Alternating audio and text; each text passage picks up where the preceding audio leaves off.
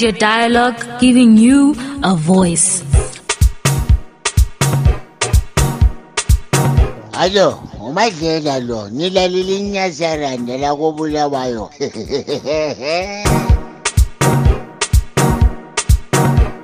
ongavela uzizinto sezikhala kamnandi zixuba zixubana kusoba igrivon jivon isitshu samandiya kukhala kamnandi njengayo nale ndlela okukhala ngayo. Hlube kwazi-ke khonaphana ukuthi sekuyi-dialogue podcast esifikile khonapho ke zakho.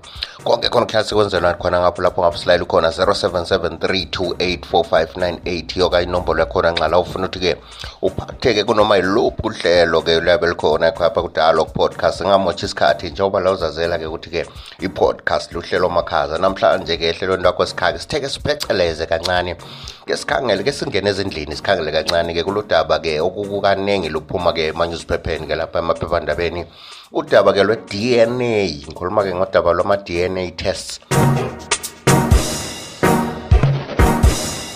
Ukhumbule mkhumbule phela khonaphani ukuthi noma sesiku-level 2 we-lockdown kakutsho ukuthi-ke umkhuhlane usuphelile kakutsho ukuthi-ke ubhubhane seliphelile sikhumbule ukuthi ngaso sonke isikhathi kusaqakathekile ukuthi sifake-ke izifonyo sizigqoke ngendlela-ke eqondileyo khonaphani kungabe isifonyo sivala isilevu kodwa kube isifonyo-ke sivala umakhala.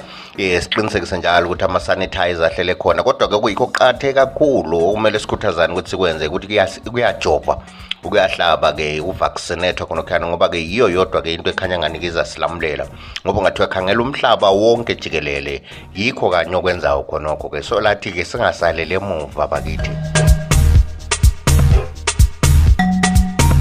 Ungabona sekusayenza i-dna test kabe sekukhona-ke ungatheni mbani kabe sekukhona-ke ukutsha amanzi-ke laphana kabe sekukhona ukusolisayo mhlawumbe uthole ukuthi ubaba sesola ukuthi ha umntwana ingxenya sowabo lo.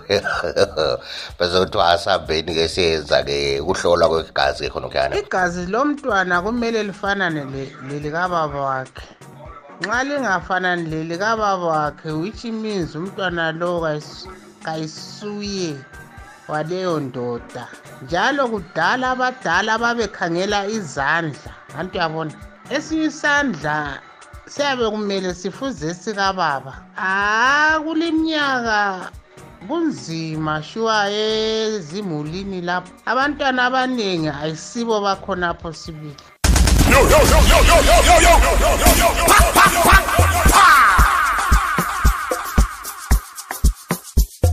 uzakhumbula ukuthi-ke lolu-ke luhlelo-ke um nxa ngikhuluma-ke ngokuhlolwa kwegazi um yinto esemthethweni-ke khonaphana ngoba khona amalebhu akhona-ke khonaphana-ke amalebhu akhona wona akwizinga eliphezulu lapho kuthathwa khona-ke igazi elikababa kuthathwe lelo mntwana ethestwa khona phana amagazi amabili-ke. Lokho-ke kuyinto-ke ejayele ukubiza imali esukusela-ke kubo-hundred and thirty us dollars.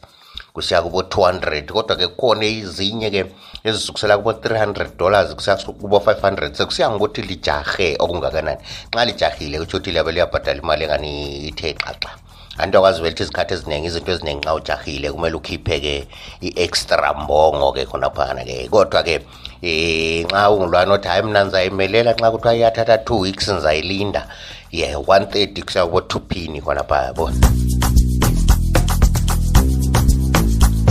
konke khona kukhera uphakulele ngumsakazo wakho phela umsakazo weredio dialog ingqwele yakhona. Sikhangela njalo khona phana ukuthi-ke kathi kungabe kuqakatheke okungakanani-ke ukuthi-ke umntwana ekhule esebenzisa-ke isibongo okuyiso yiso? Ngoba-ke isikhathi esiningi anto abona-ke ungathola ukuthi umntwana-ke anti esintwini kwakuvele kuthiwa-ke kuthiwa-ke ezalelwe-ke esibayeni.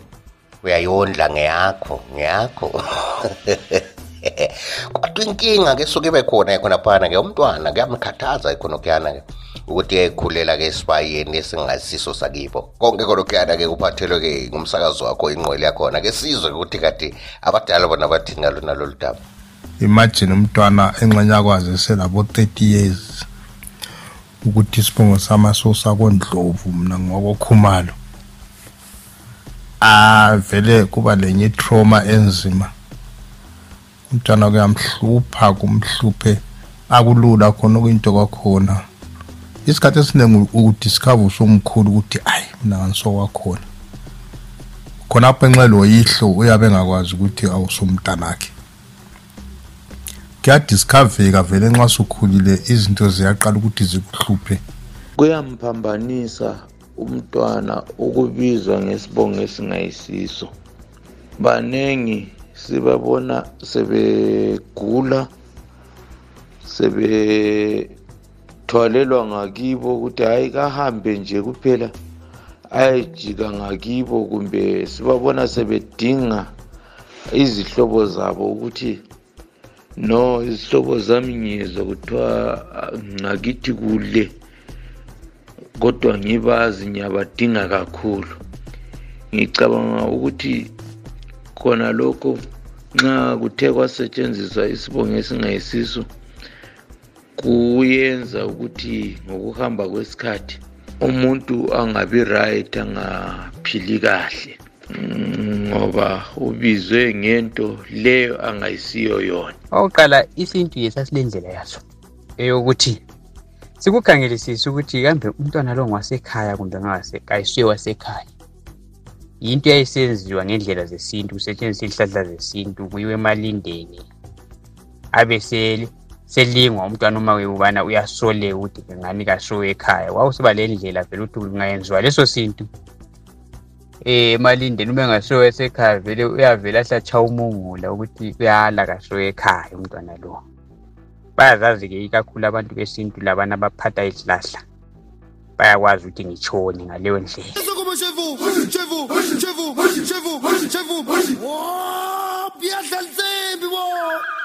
Kodwa-ke emntwaneni kusuka kuhluphe ngoba ekucineni umntwana phela ulamadlozi. Amadlozi akubo ayagcina semhlupha.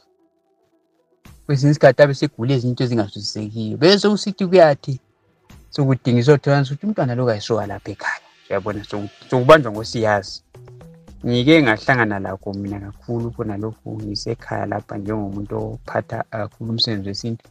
Kwaba lomunye um- umntwana. Ngathi angeke ngithi ngumntwana ngoba indoda esikhulile esilomuzi. Yat- yatshelwa nje ukuba naye wena kayisuka lapha ekhaya. Kwamangaza esekuzwa lokhu kodwa ekucineni kwavumbuluka sokuliqiniso sokufuneke uyise ukuthi kabe kambizi. Uyise wasuka kwakuvuma lonina ukuthi hhayi. Mina ngathatha unyoko evele elesisu esilenyanga ezimbili. Ngamthanda ngavuma nje ukuthi hhayi ngizawukhulisa kodwa wami umntwana nguphi lo wesibili okulamayo. Awukhangele-ke into enjalo umntwana sedubeke izinto zakhe njani singahlangani. Evelelwa yibuyanga lapha nalapha ngenxa yokuthi katshelwanga iqiniso kwesinye isikhathi kudalwa ngabazali kwesinye isikhathi kudalwa yiwo ama-dna wona lawo umntwana kuyamphambanisa ngempela ngoba uyabe sethethelwa amadlozi angasowakhe abizwe ngesibongo esingasowakhe vele kuvele kuhle kuphikisane kakhulu kungahambelani.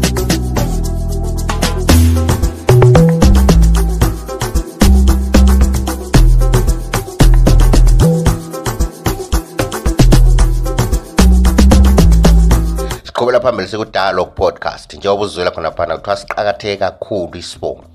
Eh ngike ngathi ngixoxa ke lenye impunga khona phana ke ukhulu ke lapha ukhulu uyehlulekile nakuzirekhoda ke i-voice note ukuthi siyidlale ke laphana. Kodwa ke ngithe ngixoxa laye nje entshele sithi uyabona mzukulu ke isibongo yiso ikhiye enkulu kakhulu ke empilweni yomuntu.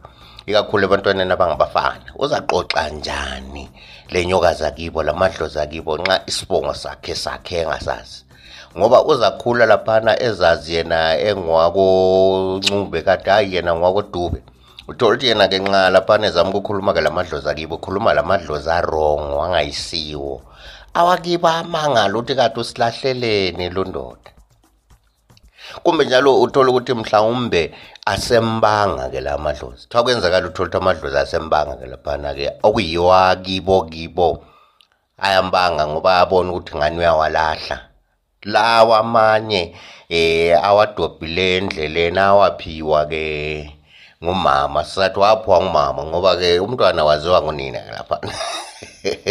la wathi ngumntanethu kuthiwa kungakungcono ke laphana umntwana ekhule esebenzisa isibongo sakonina kusuka kube ngcono kakhulu kulokuthi esebenzise isibongo ke semzini okungayisiwo lapho ke eh kudabuka khona ke uyise. Konke khona khana uphawulelwe ngumsakazi wakho umsakazi weredio talokho ingqolo ingqwele yakhona njengoba uzazela ukuthi ke i-podcast luhlelo makhaza. Ngalokho ke sesifike konqengetshe uhlelo lwakho namhlanje wena ungakwenza-ke uphose lakho ilizwi ngokuthumeza inombolo ya i-voice note yakho kunombolo ethi 0773 284598 Nyawo lam lolo Unyawo lam lolo Umina ngiyele ngihambe Umina